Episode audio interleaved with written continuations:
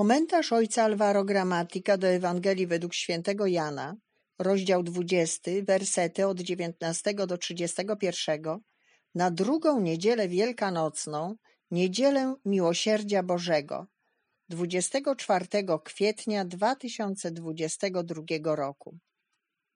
Wieczorem owego pierwszego dnia tygodnia, tam gdzie przebywali uczniowie, gdy drzwi były zamknięte z obawy przed Żydami, przyszedł Jezus, stanął pośrodku i rzekł do nich: Pokój wam.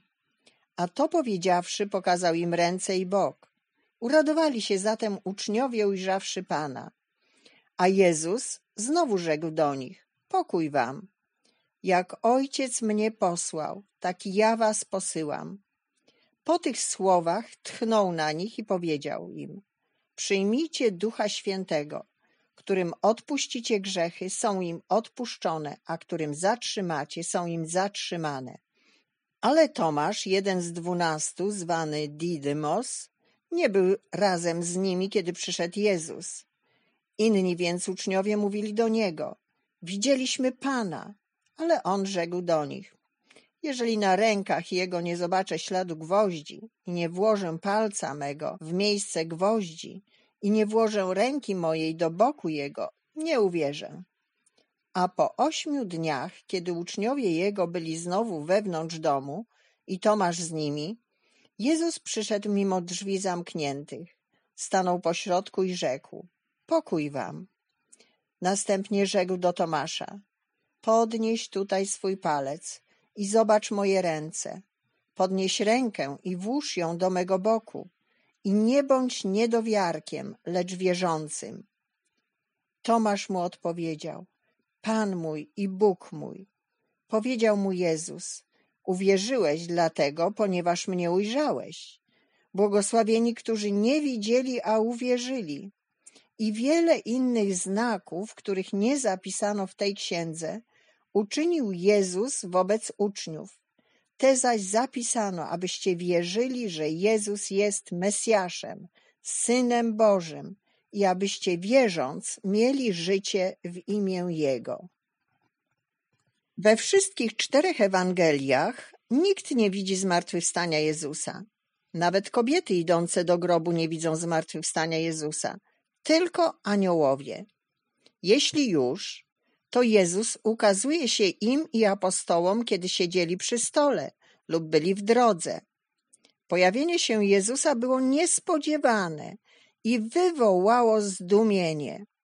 Historie te mają wspólną cechę, że to Jezus zawsze wychodzi naprzeciw swoim, a nie na odwrót.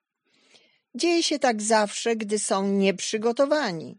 Jedzą, są na ulicy lub są zamknięci w domu ze strachu nie byli przygotowani na spotkanie, ale to Bóg przejmuje inicjatywę.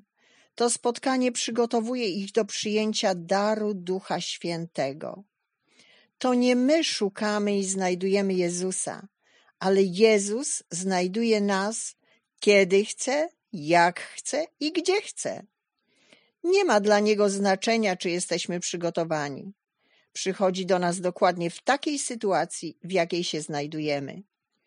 Zazwyczaj mówi się, że musimy iść do Boga przygotowani, bo inaczej nie moglibyśmy go spotkać. To samo mówi Stary Testament. Kto jest nieczysty, musi się oczyścić, aby wejść do świątyni, żeby spotkać Boga. My to przejęliśmy, spotykamy się z Bogiem, kiedy jesteśmy przygotowani. Natomiast Jezus postępuje odwrotnie. Wychodzi nam na spotkanie i nie ma dla niego znaczenia, jacy jesteśmy.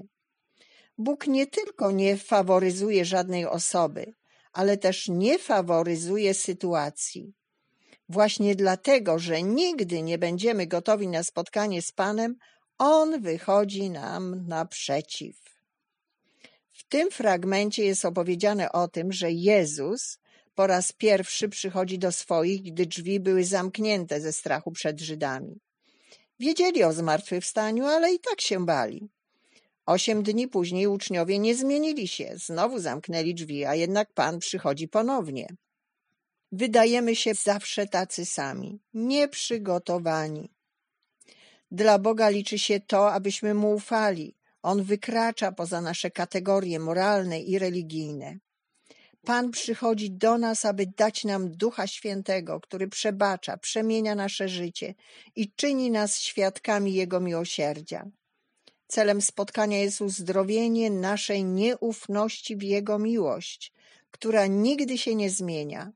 Przykładem jest Tomasz. Nie wierzył, że Jezus zmartwychwstał. Nie był z pozostałymi dziesięcioma, kiedy Jezus przyszedł po raz pierwszy. Chce dowodów, aby uwierzyć. Nie ufa swoim przyjaciołom. Nieufność to był problem Tomasza. Szukamy znaków, aby uwierzyć, ale w rzeczywistości musimy zrobić coś odwrotnego. Mieć zaufanie, aby widzieć znaki. Największym znakiem jest zaufanie, zaufanie do Boga i do braci. Tomaszowi nie brakowało znaków, brakowało zaufania. Jak można wyleczyć się z tej nieufności? Żyjąc miłosierdziem z braćmi. Więc nie martwmy się tak bardzo o to, jacy jesteśmy, ale o to, by pozwolić Panu spotkać się z nami, ufać Jego miłosierdziu i miłosierdziu braci i sióstr. Pozostańmy z nimi, a wtedy ukażą się znaki zmartwychwstania. One są widoczne tam, gdzie króluje miłosierdzie.